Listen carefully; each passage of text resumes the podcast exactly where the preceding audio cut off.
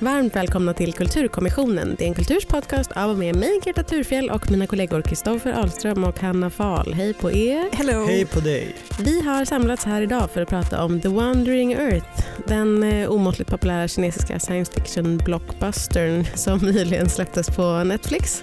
Mm. Hanna, vad vill du säga om The Wandering Earth? Eh, min vana trogen vid det här laget Eh, så vill jag ifrågasätta om eh, den onda AI i filmen verkligen har så himla fel egentligen. Intressant. Ja. Du då Kristoffer? Eh, Jag vill prata lite om referensstöld i den här filmen och om jag är fördomsfull som tror att det är helt fine för en kinesisk filmmakare att bara sno från andra västerländska filmer eftersom kinesiska publiken är så oerfaren. Mm. Hot take. Eh, själv ska jag prata om varför jag tror att den enda riktiga fienden i filmen är olika stenblock som ramlar ner från olika ytor. Ehm, jag vet inte riktigt om det finns mycket att spoila egentligen i den här filmen men för traditionens skull så utfärdar jag härmed en spoilervarning.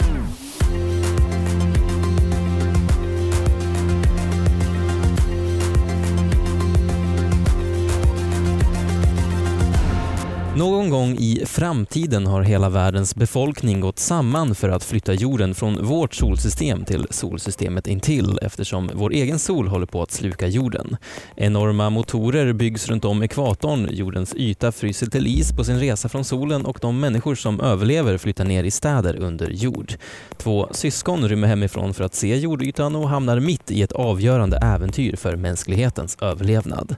The Wandering Earth är regisserad av Frank Wu och bygger på en novell av Liu Cixin.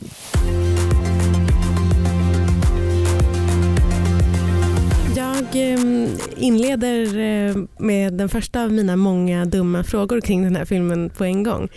Eh, håller eh, Kina på att ta över filmvärlden? Dum fråga eftersom jag utgår ifrån att de är, sen har varit det sedan länge. Ehm, alltså, åtminstone känns det väl som att det finns ett väldigt stort intresse för frågan om huruvida Kina håller på att ta över filmvärlden. Eller liksom att, Frågan har ställts många en gång. ja men det har varit så otroligt mycket så här, skriverier och snack om hur liksom, man anpassar eh, produkter för Kinas marknad och klipper om filmer och eh, datorspel och sådär för den här stora marknaden och tvärtom så verkar det finnas också lite av ett sug efter Alltså man blir ju intresserad när man, när man får höra talas om The Wandering Earth till Mm. exempel. En, så här, en kinesisk liksom, superblockbuster. Man, blir, man, blir, man vill ju se den, man, vill, man blir nyfiken på hur det skulle liksom vara om Kina tog över filmvärlden. Verkligen. Men jag, det var inget riktigt svar på din fråga. Kristoffer, du får Nej svara men, på det. eh, nej men det är väl den absolut mest givna vinkeln på alla samtal om den här filmen är ju om huruvida vi upplever en ny form av kulturimperialism som den här gången kommer österifrån Mm. och inte från liksom det gamla goa Hollywood med allt vi indoktrineras med under ja, eh, folkhemstiden kanske framförallt liksom efter efterkrigstiden. Eh, jag kanske slungar tillbaka en fråga. Tycker ni att den här filmen propagerar för liksom Kinas suveränitet som stat? Alltså inte Ja. mer än vad amerikanska Nej. motsvarande filmer propagerar för USAs. Kanske mindre till och med? Ja. Precis, ja och nej får man väl säga. Vi kan återkomma till liksom själva eh, handlingen och, och vad den symboliserar. Men, men jag tänker mer i största allmänhet på Kina som eh, världsmakt eller som så här, kulturell supermakt som de ju inte är i nuläget men liksom ekonomiskt på den kulturella scenen eller vad man ska säga. Bara en sån sak som då att The Wandering Earth släpps, distribueras på Netflix. Eh, det liksom amerikanskaste vi har typ. Eh, och som att eh, Kina, kinesiska, ett kinesiskt företag har köpt SF och bytt namn på det till Filmstaden och bytt Och jingel. Byt jingel! Kristoffers hjärtefråga. Gamla. Sverige, Ja, det- eh, never again. ruiner. Ja. Ehm, och sen så det är liksom ganska omdiskuterade exemplet då att Sara Larsson, eh, det svenskaste vi har, Mm. gör eh, reklam för Huawei, mobilföretaget. En ganska, för övrigt, vad tycker ni om den reklamen egentligen? Är den inte väldigt tafflig? Det är liksom en bild på Sara Larsson. Det är inte så att hon håller i en telefon eller någonting. Nej, jag, den jag såg den, jag har liksom hon är ju alltså tapetserad över hela Jag vet, men jag lade verkligen märke till det idag när jag var på stan eh, på förmiddagen. Ja, överallt. Och, eh, jag, tänkte också, jag tänkte också på att den var lite tafflig, att det verkligen bara var som en konstig liten bild på henne. Det är någonting som är konstigt. På. Precis, det är någonting som är konstigt med också att eh, både lite grann i fallet med den här, inte så mycket i fallet med den här filmen ärligt talat, men, men i fallet med Sara Larsson så är det ju också att hon ju är hennes liksom grej, hennes här varumärke förutom att hon är liksom en duktig artist är ju att hon är så woke. Ja. Eh, men jag undrar lite hur hennes så rådgivare har, har förhållit till det här med eh, Huawei som ju är extremt skandalomsusat kinesiskt företag. Alltså det är så att man bara, jaha tyckte ni att det, vad, vad var det där, skulle det vara Men hennes rådgivare har bara sett jättemånga nollor på ett papper och bara det här är en skitbra grej, det här ska vi göra. Det, Mm. Jag tror inte det är så. Så jag tror att hon definitivt Jo men det är klart att det är får så. mer för sitt Huawei-samarbete än vad hon fick för sin roll i filmen Eld och lågor. Det är klart att det är så. Eh, jag bara funderar på hur man så kombinerar de rollerna. Men det är ju inte nytt att, att kändisar Nej, säljer men ut däremot förstås. kan jag förstå fascinationen, vi ska återgå till samtalsämnet, för den här filmen som liksom har varit en dun, det som har varit intresserad som Hanna var inne på, så här, hur ser kinesisk science fiction ut? Hur är den jämförd med liksom Mm. den som vi är vana vid den amerikanska? Men även att den har varit en dundersuccé på hemmaplan. Den har spelat in sex, mer än 6 miljarder kronor här, bara i Kina, vilket är jämförbart med eh, jag tror förra stora Star Wars-filmen spelade in lika mycket i USA och jämförelsevis den här Han Solo-filmen spelar bara in 4 miljarder i hela världen. Så det är Mm. liksom en, en jättesuccé på hemmaplan och liksom den ja, kinesiska propagandaministeriet otroligt nöjda med den här produkten. Men det är också, jag tror också att det spelar in, det finns liksom ett intresse just specifikt för liksom kinesisk science fiction också tror jag. Och för eh, Liu Cixin författaren som ju har varit liksom den mest hypade sci-fi författaren de senaste han har åren. skrivit eh, andra böcker men det är han som har skrivit novellen. Eller liksom Ja. den, vad he- vad heter ens novella på svenska? kortroman. Kort- Ja, kort lång novell eller kort roman. Kortromanen som eh, The Wandering Earth Ja, baserad på. Du har ju läst hans eh, kända Ja trilogi. precis, jag har inte läst den här novellen men jag har läst, eller kortromanen, jag har läst uh, Three Body Problem. Mm. Ja precis. Som är en trilogi som blev jättehype och som fick Hu- Hugo Award, alltså stora sci-fi-priset och sådär. Som Eh, ju den också är så eh, woke certified som lika som Huawei, det vill säga att Barack Obama har hyllat eh, den trilogin. Ja, Två precis. woke goddesses. Men den är, men den är, den är, den är, den är bra tycker jag. Den är jätteintressant och det finns också någonting som är Alltså man, jag och tror jag många så här, de så här, amerikanska, europeiska sci-fi-läsare som har liksom fastnat för den här serien. Eh, det finns ju någonting i att det är lite ex exotiskt också naturligtvis. Att det är så här Mm. fonden som de utspelar sig mot är så himla Men annorlunda. vad handlar den här trilogin, eller The Three Body Problem? Eh, det är en väldigt, väldigt komplicerad historia men i princip så handlar det om eh, den börjar under kulturrevolutionen kan man säga i Kina och där man råkar av misstag egentligen skicka ut en signal som typ bjuder hit en främmande civilisation. Men det här utspelar sig under så otroligt lång tid så det är inte så att det kommer några aliens och invaderar helt plötsligt utan det här utspelar sig under många, många, många decennier vad spännande. och generationer och eh, sen, ja, den, är, den är ganska så här hård tech sci-fi på ett sätt. Um, otroligt komplexa liksom resonemang kring det här three body problem som jag inte kan redogöra för här nu. men, men som är som ett fysikproblem kan man säga, eller astrofysikproblem. Och, um, eh, ja, men den, är, den, är, den, är liksom an, den är annorlunda, den är inte som den vanliga amerikanska sci-fi man. Så att det finns ju liksom ett sånt exotiskt element i det som gör att man blir lite nyfiken, precis som när det är rysk sci-fi var väldigt hett under ett tag med de här. Metro. Jag tänkte på Ja, nu, nu tänkte jag ännu längre tillbaka med rysk sci-fi, jag tänker på liksom, Asimov eh, Tarkovsky och så.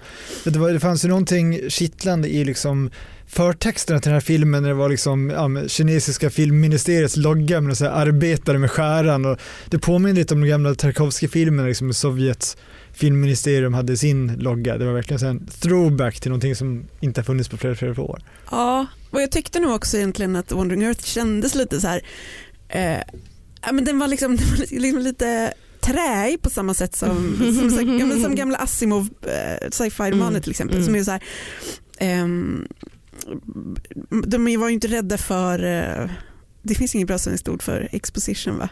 Ja, exposition säger väl, eller Exposition, liksom ja. sätta förutsättningarna. Precis, hela filmen börjar med en gigantisk bara infodump som, Mm, mm, som mm. Eh, och som också kändes väldigt så här, gammeldags, Mm. lite Asimovskt att de bara, han bara dumpar en massa info, tråkigt, Ja, det här får ni bara- och. Det här får ni bara ta till er. Ja, Liksom. bara, det här behöver du veta för att hänga med i historien, varsågod, här är det, bloff. Typ. Jag undrar om det, om, det, om det som du beskriver i, i The Free Body Problem och jag har ingen anledning att tvivla på dig vad gäller det, att det är, att den liksom, att det är som en sån smygande, långsam, eh, det som händer, att det liksom Ja. tar väldigt lång tid. Det är ju själva eh, plotten för eh, The Wandering Earth också, att Ja. den är så här, det här är ett projekt som ska hålla på i eh, vad är det, 100 generationer eller tusen generationer. Att det är så extremt långsamt, att det är lite grann som den kinesiska kulturimperialismen, att de är så här, vi smyger fram långsamt, långsamt, långsamt ska vi ta oss till detta. Är The Wandering Earth en bra film? Ska vi gå varvet runt? Jag säger nej till att börja med. Eh, jag säger också nej.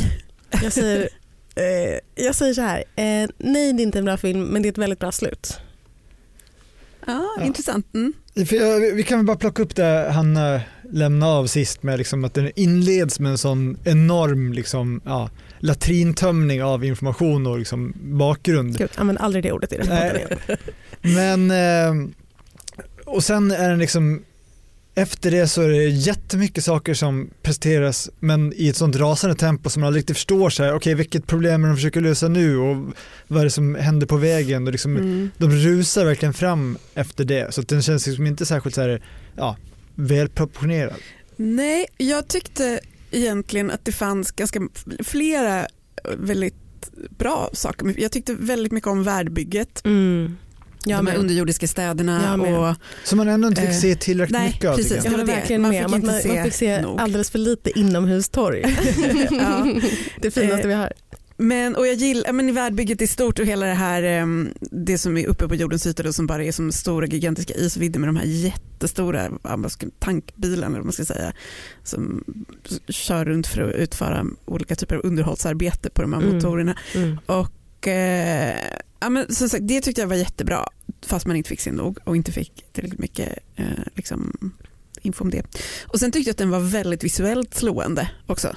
Du hade inget problem med att liksom CGI-effekterna kändes ganska gammalmodiga Eh, och Nej, Genomskinliga. ja, jo, alltså i vissa sekvenser kändes det väl lite, lite trist. Men jag tyckte, men jag tyckte att den var, jag tyckte inte att det gjorde så mycket. Jag tyckte att det, att det fanns en lite artificiell liksom, eh, artificiellt lager över alltihop tyckte, tyckte inte jag störde särskilt mycket. Och jag tyckte att den var, utan jag tyckte att den var ganska snygg på sitt sätt.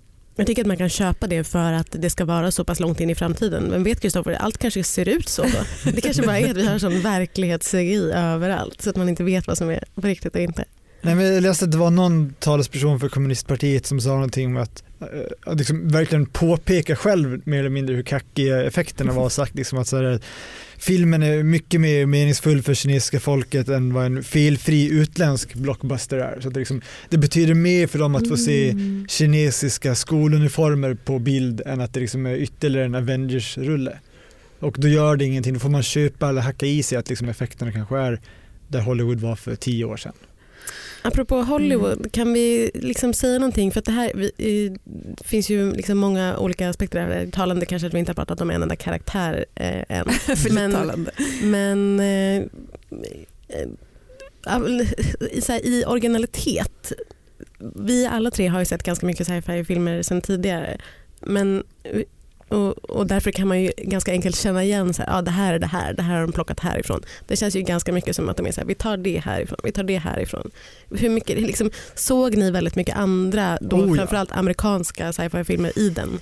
Ja, gud ja. Jag skulle säga alltså, sci-fi och blockbuster. Det var väldigt mycket Michael Bay, känslan av att man försökte göra Michael Bay. Det var mycket de här Mm. liksom slow motion scenerna som helt plötsligt dyker upp i vissa ja, nyckelsekvenser som kändes verkligen som någonting som ja, inte görs längre nästan. Mm. Eh, men även som du säger referenserna, alltså det, det var ju jag, jag tänkte, jag tänkte på Michael Bay, jag tänkte på Armageddon, jag tänkte på Gravity, eh, jag tänkte på The två- Core. 2001 ett rymdäventyr. Mm. Ja, det finns ju saker som är väldigt 2001, eh, liksom det rent sci-fi-artade med Ah. 2001, Men jag det tänker liksom framförallt tekniska med En 2001. actual, ett actual liksom självtänkande operativsystem Mm. som ser ut exakt som HAL i 2001 med den röda lampan. Ja. sån Heter- Fast det heter förnums- Moss Ja. istället.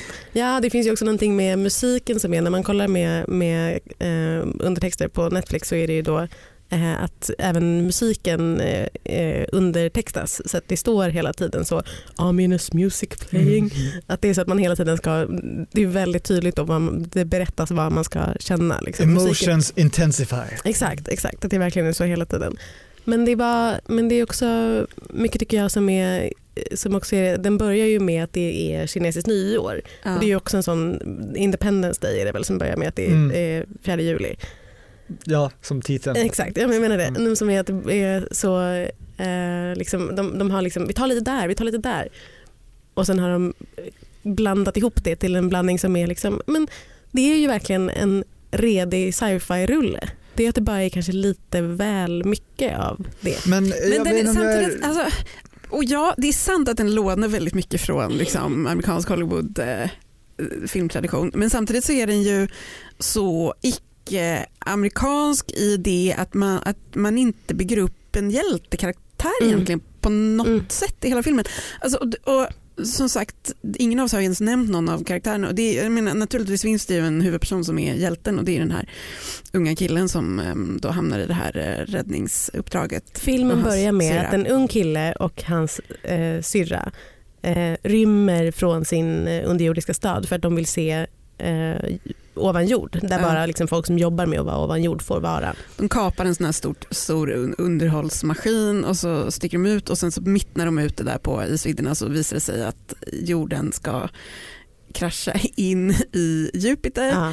och eh, ja, de finner sig plötsligt mitt i liksom ett desperat försök att rädda mänskligheten kan man säga. Precis, att de bara ramlar in i ett Ja. sånt eh, rescue mission. Så sen att naturligtvis är ju de hjältarna Ja, såklart. ja. Men de byggs inte upp som hjältar på det sätt man är van vid i liksom, amerikansk filmtradition. Och det är ju lite, men jag vet inte, det var lite intressant på något sätt. Eller, ja. Jag menar att alla är beredda att offra sig hela tiden, Ja. oavbrutet. Liksom, Ja. att för den större sakens skull eller för kollektivet. Så liksom, ja, man, man gör inte sån superstor grej av det utan det är verkligen så här att vem som helst kan dö. Nej, men, och också det de liksom kämpar för eller mot eller vad man nu ska säga är så opersonligt också. Det finns liksom ingen, ingen ja, men om vi bara dödar eh, Thanos så Nej. Visst, så verkligen. vinner vi, Det finns inga det hjältar och det är som också som att det inte finns någon fiende. Nej. Det tyckte jag var jätteintressant. Att det, är så här, det, det är liksom det farligaste i filmen förutom då att de är på väg att, att störta mot Jupiter och, och liksom explodera är att det så här, hela tiden ramlar olika stenblock från olika oidentifierade Ja. ställen. Och de bara åh nej ett stenblock där, åh nej ett stenblock Det, är där. så, men- och det som liksom målas upp som faran är väl liksom splittringen inom kollektivet. Att liksom ingen vill hjälpa dem när Mm. de ska åka ut på det här desperata räddningsmissionet. Eh, Och sen så kommer en vändpunkt då där plötsligt eh, de får ta, liksom access till ett högtalarsystem som verkar vara worldwide och Mm. kan hålla ett litet, sy- syrran kan hålla ett litet peppigt tal och plötsligt så enas alla och hjälps åt då Men det är samtidigt, trots allt det här vi pratar om att det liksom är folk från alla olika delar av världen kommer hjälpa till så det är, näst, det är verkligen bara kineserna som är tongivande. Det finns en Ja. token rysk snubbe som vars enda liksom, kännetecken är att han dricker vodka och pratar om Gagarin hela Men- tiden. För det här, det här, förlåt, det här fattade inte jag. Jag kanske bara är dum som inte förstod. Men jag tolkar det som att det nästan bara fanns kineser. Eller? Bodde det folk under jorden under Ja, USA? runt hela, runt hela Ja, världen? runt Ja, hela ja, världen okej, så bodde det folk under... Det bara men råkade vara att det var... det råkade handla om Kina eftersom det är Mm. kinesisk Ja, okej, film. Eh, ja, nej, det Men är en sant. sak jag tänkte på, jag vet De inte bor, om det det här finns är... 10 000 underjordiska städer runt Ja, hela jorden. Med. Mm. Eh, jag bara tänkte på det här att det är så många, vad vi tycker givna eller självklara stölder. Kan det vara så, jag vet inte om det här är mm, en eh, fördom, men kan det vara så att den kinesiska staten kanske inte har släppt in så mycket amerikansk Hollywoodfilm på kinesiska biografer genom åren så att de inte skulle känna igen en referens till 2001 när den dök upp? Men, Och då är det alltså, safe att bara sno ja. lite Fast jag menar, Men det, finns ju så, himla, det finns så mycket inga... amerikanska filmer som också snor Ja. från andra amerikanska filmer. Ja, men det var så uppenbart i den här att det var så otroligt många tydliga. Även Gravity tänkte jag när de är liksom ute och klättrar på den här riggen ute i rymden och så. Men, ja, men det är inte som att amerikansk film uppfinner en Nej, ny just de här konst scenerna kändes men- väldigt tydligt att det var Jag vet inte om jag håller med om att det var så mycket mer stöld eller liksom uppenbara stölder. Nej för den är ju också ganska originell i- på det sättet att det är en sci-fi det är ju en sci-fi film men det är ju liksom också jättemycket en actionrulle för de är ju så mycket på jorden. Det är ju en science fiction film på det sättet att det handlar väldigt, väldigt mycket om teknik. Så här, nu ska vi, den här tekniken, den här tekniken som man ju i ärlighetens namn får väldigt dålig uppfattning om. Alltså, majoriteten av filmen satt jag och tänkte så här vad är det de ska göra nu? Ja men det är det jag menar. Varför det, gör de det här? Först är det en jättetung exposition och sen hänger man inte riktigt med i resten av filmen varför olika Och man är så här, moment var är de nu? och så sitter man och är så här rädd att för att de ska dö. Och sen så visar det sig att nej, att nu, nu är de bara de under jord så de är safe typ hela tiden. Alltså man bara, nej det var, det var ingen fara, det var bara att de liksom sörjde någonting. Eh, Jättesvårt att eh, hänga med i vad som hände ibland tyckte jag att det var. Ja, jo det tyckte jag också faktiskt. Men, Men- apropå andra nationaliteter, kan vi prata om karaktären Tim om vi nu ska specifikt prata om en karaktär ska det vara någon med västerländsk koppling.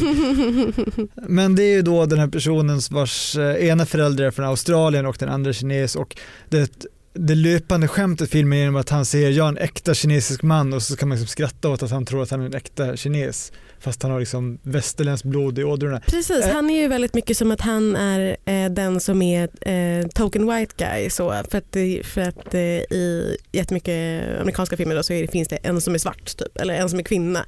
Eh, och då så får den... En lustig asiat. Ja, och då är det så eh, Eh, en jättestor grej att den är svart eller att den är kvinna. Här är ju liksom, i, eh, det finns ju typ bara två kvinnor med i hela filmen men, men de är ju, det är ju ingen grej att de är tjejer. Men, men han då som är halv australiensare och också eh, pratar, alltså han liksom, du vet, det är finns inga sådana grejer som är att så här, du är inte kines men att, den, men att det ändå är så det roliga skämtet. Mm, och att han är alltså blonderad surfarlugg. Han är en eh, eh, amerikansk eh, kinesisk eh, Youtube eh, succé. Mhm. Mhm. Mike Sui som eh, är typ uppväxt i, i Arkansas eller någonting. Men, Gud vad du men har också, gjort deep research. ja, han har gjort en jätte eh, viral, han, han var liksom inte känd i Kina och sen så gjorde han en sån eh, en rolig spoof på typ eh, 15 sorters eh, kineser som blev jätte eh, viral i Kina för att folk tyckte att det var så himla kul att det är så här, "Haha, det här är verkligen sant. Ehm, så och därför sen har han fått lite filmroller som då det här. Så det är också lite att han är den som är comic relief i filmen. För att han är så tokrolig. Han är ju verkligen som en youtuber i filmen. Mm. Framtidens youtuber. Ja, han sticker ut så mycket för att det, är ju liksom inget an, det finns ju ingen annan comic relief egentligen. Hans comic relief faller lite platt också tycker Mm. jag ofta. Att det liksom inte Nej det är inte haha. finns liksom, nej, det finns ingen resonans eller det liksom klingar liksom inte av något kul. Nej, det är ingen särskilt rolig film. Jag tycker, och eh, vi kanske ska prata lite om det här operativsystemet då, HAL, fast HAL heter ju då MOS. Eh, det tycker jag är ganska roligt det operativsystemet. Typ när, när eh, pappan då, huvudpersonens pappa som är i rymden och har befunnit sig eh, i rymden i 17 år och lämnat sin son på jorden. När han eh, tyvärr samma dag som, eh, som han ska gå ur tjänst och gå tillbaka till jorden eh, blir fast i rymden så så eh, ja, han, liksom, han har väldigt mycket kontakt med det här operativsystemet och bråkar väldigt mycket med det här, så här väldigt, väldigt rationella operativsystemet som har Mm. räknat ut då att så här, vi tjänar inte på att rädda de här människorna, vi måste satsa allt på det här. Och vi har ett sätt att liksom, eh, eh, mänskligheten ska överleva, typ, eller det ska finnas en... Alltså, Det finns en stor embryobank bla bla bla. Ja, precis, Mm. så att så någon gång vidare. i framtiden så Ja. kommer det finnas människor igen. Ehm, det operativsystemet tycker jag är ganska kul. Det har så ganska mycket roliga, väldigt, väldigt eh, så här, lite passivt aggressiva repliker till honom. Typ när det säger så här, eh, kan du snälla sluta ha kontakt med jorden? för att vi ska inte ha det nu. Alltså det är lite, lite så, en ganska torr sorts eh, humor som också var lite oväntat men kul. Ja. Med risk för att bli som när vi pratade om Avengers och eh, jag var på Thanos sida så måste jag säga att jag lite kanske är ändå på operativsystemets sida här också. Jag menar jorden som ju då ska färdas hela vägen till ett annat solsystem i flera tusen år, 2500 år.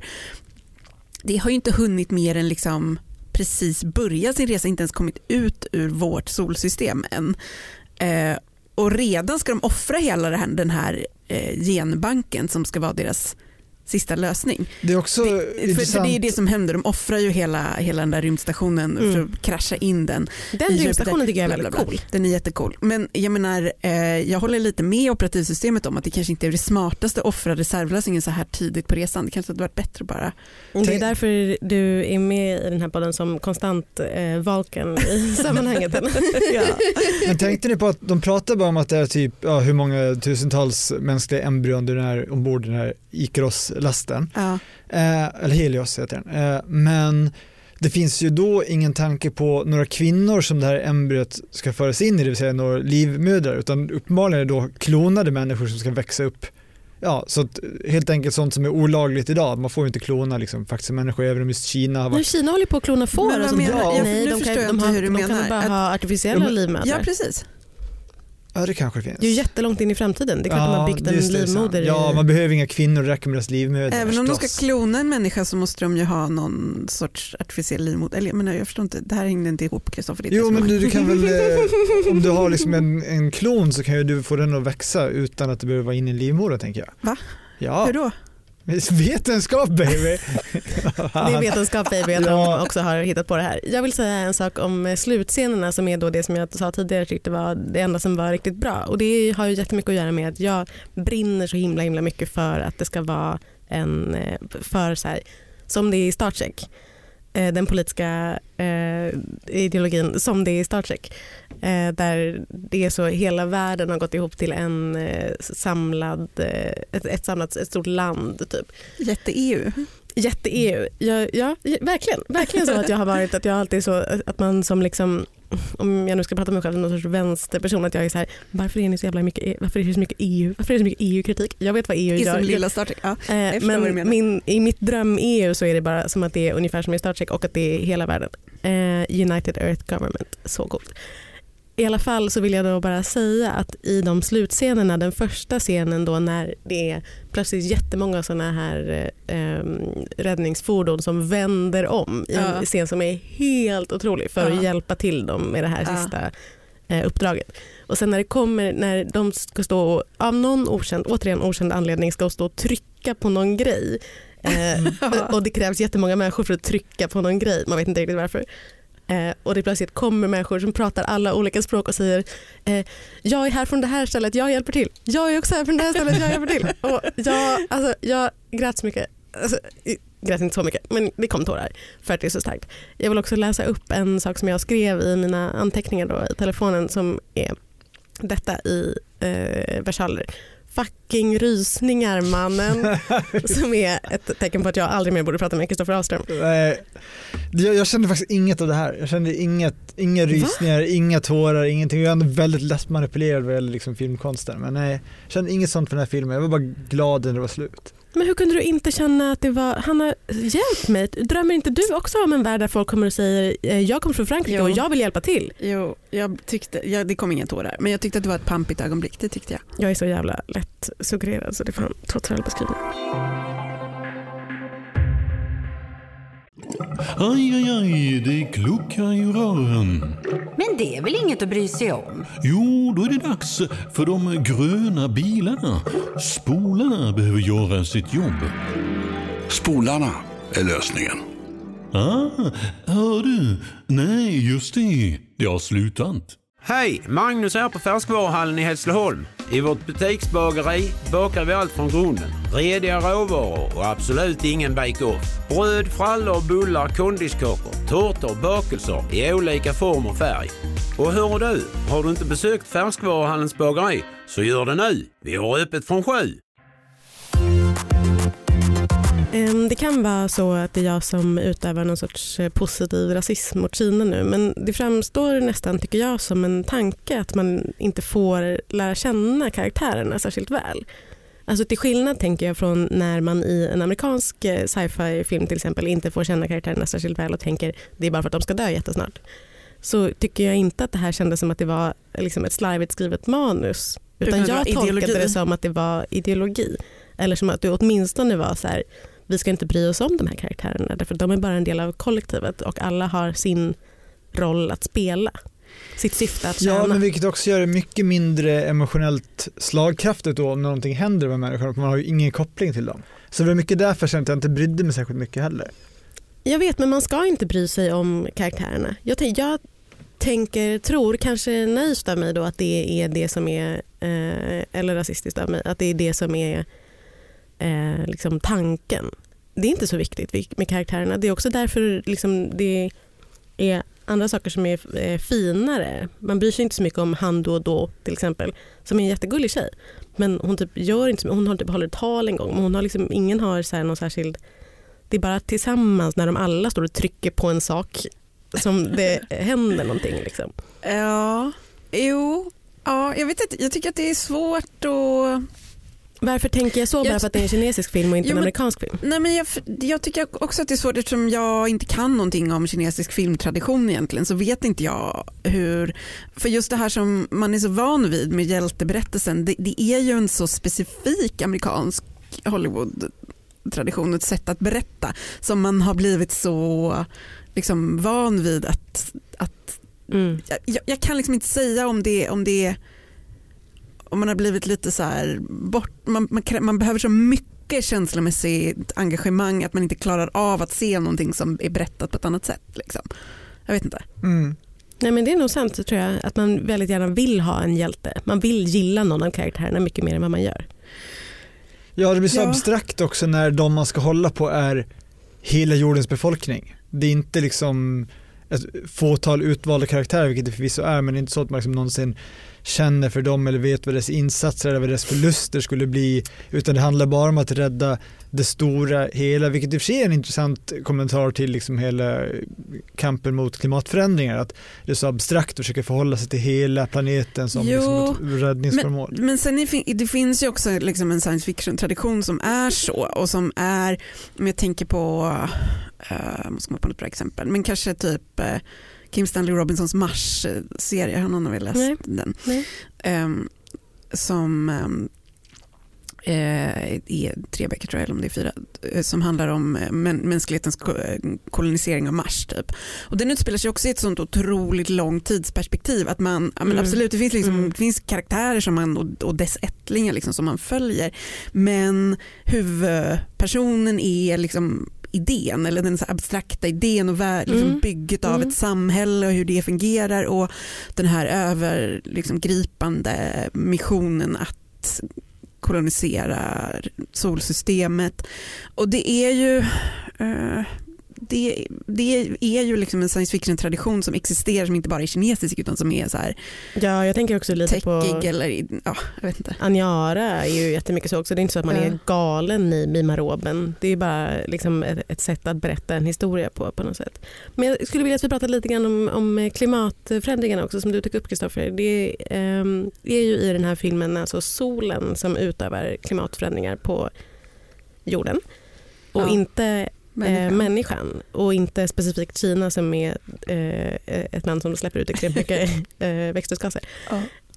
Är, det, är det också ett liksom, politiskt val tror ni? Jag är så nyfiken, jag skulle verkligen vilja, det här gör att jag skulle vilja läsa originalnovellen. Mm. Originalnovellen är väldigt annorlunda tydligen. Mm, den har väldigt lite att göra med, alltså, plott eller liksom, eh, upplägget är detsamma och ja. sen så händer helt andra saker. Men jag skulle vilja veta om Liu Cichin också har valt att göra det så att det är så här det yttre hotet eller om han, det är på ett annat sätt i hans. Ja, det är det inte. För jag tänkte på det att det kom ju en nyhet nu här en veckan om att inom den närmaste tiden kommer det byggas 1600 nya kolkraftverk varav hälften kommer vara i Kina. Eh, och så de är liksom, man har ju tiden varnat för att liksom, den framväxande medelklassen i, i Kina och andra stora nationer kommer vara den starkaste bidragande liksom, effekten nu eh, inom kort eh, vad gäller klimatpåverkan.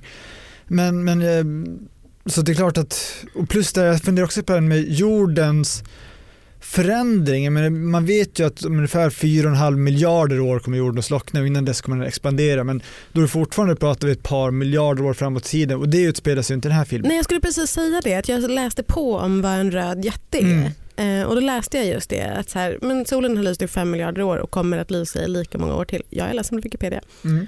Eh, så det är liksom, det är, man vet ju att det inte är fem miljarder år fram i tiden som Nej. den här filmen utspelar sig. För då skulle inte människor se ut riktigt som de gör nu.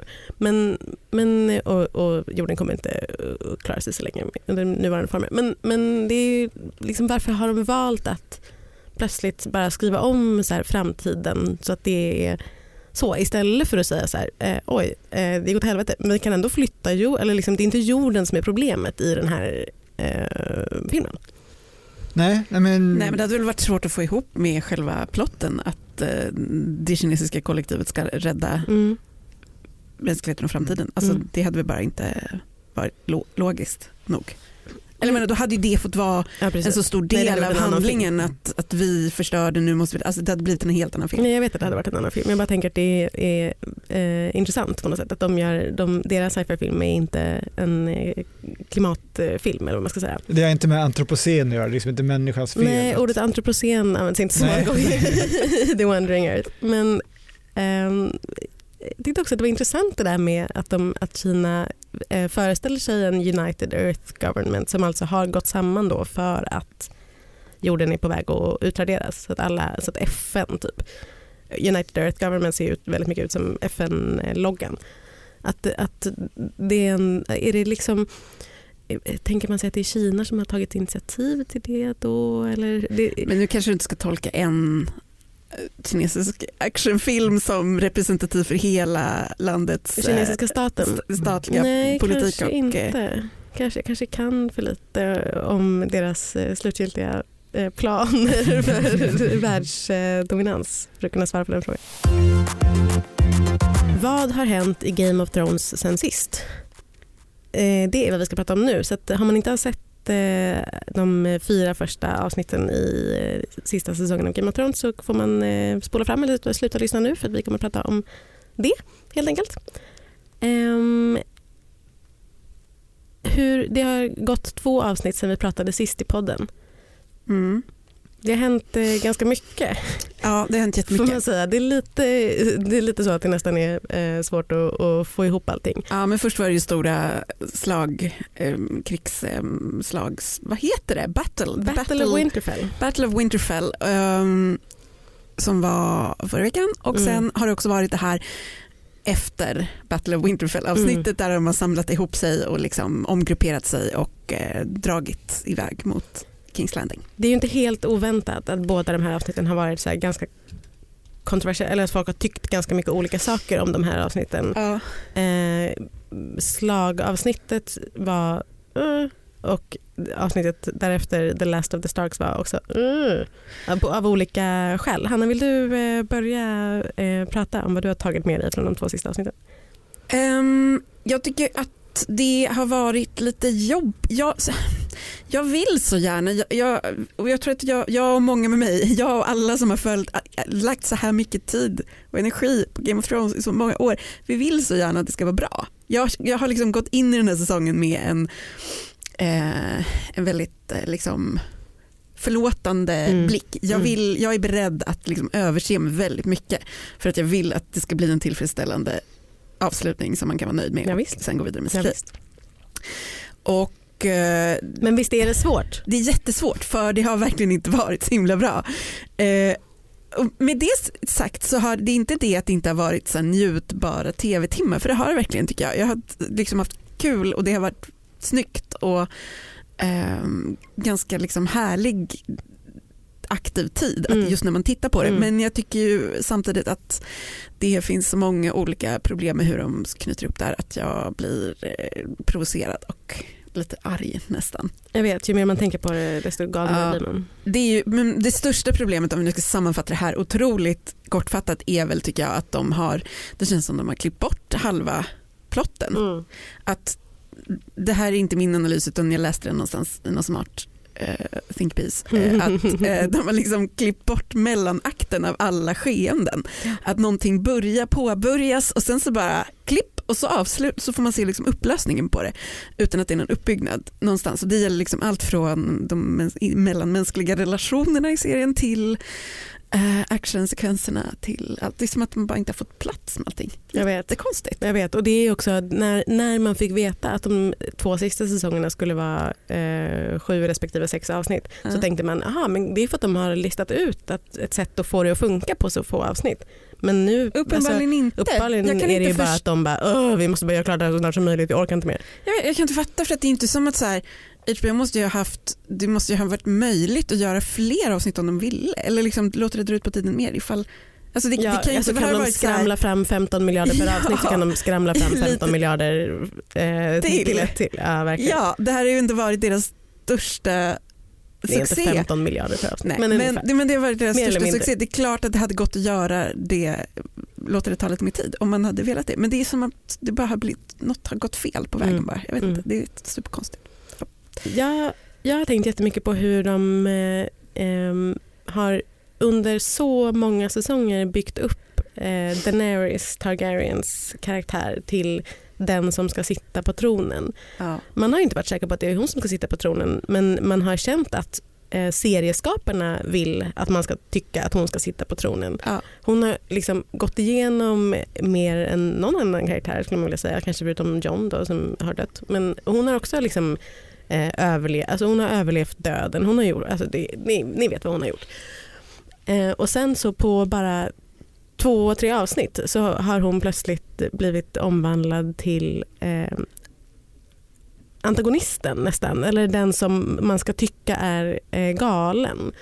Och jag, eller så här, jag vet inte om jag, fund, jag har liksom funderat mycket på så här, vad serieskaparna vill att man ska tycka. För jag tror att de tycker att de har löst det här med så här, kvinnlig representation i Game of Thrones på ett ganska bra sätt. Så att de har tänkt så här, nu kommer fansen vara nöjd. Eller nu kommer, så här, nu kommer, nu kommer alla social justice warriors där ute vara nöjda för nu är det två tjejer som tävlar om tronen. Mm. Ehm, men bara det att det är två tjejer, eh, två galna eh, kvinnor som tävlar om tronen och eh, alla män runt omkring dem går runt och säger så här, hon är, gal, hon är galen, hon är helt galen. Eh, och, och, och jag vet inte om de hade räknat med det, eller liksom, det är jättesvårt att säga därför att det är två avsnitt kvar men, men jag undrar hur de har liksom tänkt att de ska bygga upp det med, och med den här specifikt då som nu liksom antyds ju så mycket och särskilt i det här sista avsnittet antyds det ju väldigt mycket att, att eh, John är så här, han är den som ska sitta på tronen därför att han vill inte sitta på tronen. Eh, Den bästa härskaren är någon som inte är sugen. Ja, Ja. precis. Och liksom, ja, jag vet inte, må så vara, men, men jag vet inte riktigt varför det varför man plötsligt gör en sån ursväng i sitt berättande. Att man plötsligt bestämmer sig för att i sista sekund göra den som alltid har varit så mån om att inte bli som sin pappa, den galna kungen. Eh, till att plötsligt bli så här, hon blev det ändå. Jag vet. Va, varför? Varför? Jag brinner inte för att Daenerys ska sitta på tronen. Jag har aldrig gillat Daenerys särskilt mycket. Men jag tycker att det är ett konstigt sätt att hantera en karaktär som man har byggt upp så mycket som hjälten. Och jag tycker en sak som, en detalj som stör mig jättemycket i hur de har ehm, liksom pitchat de här två, Cersei och Daenerys mot varandra, är att de har liksom också gjort så här, ja, men det här att Cersei ska vara gravid nu helt plötsligt Mm. och att det ska vara en så här, hennes så här, fertilitet ska vara en så här plot point eller en så motivering för allt hon gör och tvärtom då att Daenerys, hennes infertilitet ska Mm. vara en plot point. Bara, det är så mycket så här bara, men, slu, sluta, måste det här vara en, jag vet. Ja, men det har ju varit genomgående för serien. Det finns ju liksom 100 miljarder think pieces nu som handlar om eh, varför eh, Sansa, Sansa, Sansa under ett samtal med The Hound säger att det var eh, alltså, mer eller mindre säger att så här, det var att jag blev våldtagen som gjorde mig till den jag är Den idag. stark- Den starka, den starka kvinna jag är kvinnan. idag. Ja, precis. Ja. Ehm, och det är så här, jo men det, är- det finns ju två sätt att se på det. Å ena sidan så finns det det här eh, bara så, ja men eh, vad, är, vad är det? Det är inte woke att säga så. Och, sen, och, och, liksom, och eh, kvinnorna i Game of Thrones har alltid använts för de syftena. Att liksom våldtäkt är ett sätt att berätta en historia vidare eller typ göra den historien till motivation för, för eh, andra karaktärer. Mm. Å andra sidan så kan man ju säga att det var så det såg ut. Eller liksom det, ja, det, det var så det var att vara kvinna på den här fantasytiden. Eh, men det är liksom... Det, Det är, Nej, men jag håller med om att det är någonting i Det det, här som som du är- säger att de tror, ja, man känner att serieskaparna tror att de har liksom löst problemet och tillfredsställt alla så här, ja, Mm, social mm. justice warriors tittare. Man bara, nej men ni har inte det, slut, ni har, ni har inte fattat jag, är någonting. inte, jag som social justice Ja, warrior, jag är inte nöjd. tillfredsställd. Nej, nej visst verkligen. Ja, jag. Kristoffer, vad du sitter och ser lurig ut där i Ja, hörnet. nej, nej, nej. Jag bara, min tanke var väl egentligen exakt den som Hanna sa. Eh, Det vill säga att jag har inte sett de tidigare sju säsongerna men jag har fått lära mig att det är ett väldigt komplext drama som handlar mycket om liksom politik, samhällsbygge, ja, politisk intrig, relationerna, att det är mycket relationsdrivet och så men jag vet inte om serien bara haft otur när jag har tittat för det har liksom verkligen varit extremt hafsigt berättat, det har varit liksom såpoperaaktigt. Jag tänkte på till exempel Jamie och vad heter hon som heter som en ost? Eh, Brienne. Brienne. Ja, precis. Och även Arya och Gendry. Ja, duktig ex- du Ja, jag vill lära mig.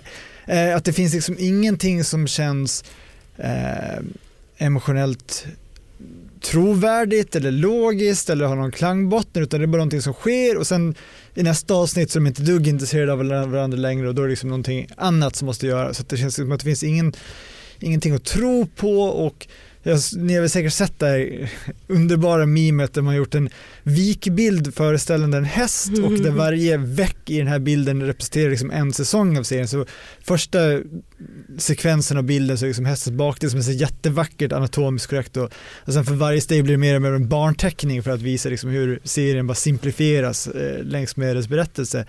Och då läste jag någonstans att eh, George R. R. Martin har alltid varit mycket mer intresserad av att berätta om liksom den här världen snarare än kanske ja, vad karaktärerna, vilka relationer, vilka de hoppar i sängs med och att när han läste Tolkien så slutade väl Sagan om ringen någonting med att ja, Aragorn har blivit kung och så styrde han klokt i 500 år och då hade George R. Martin tänkt sig, ja men hur var hans skattepolitik? Att det var liksom det han var intresserad av.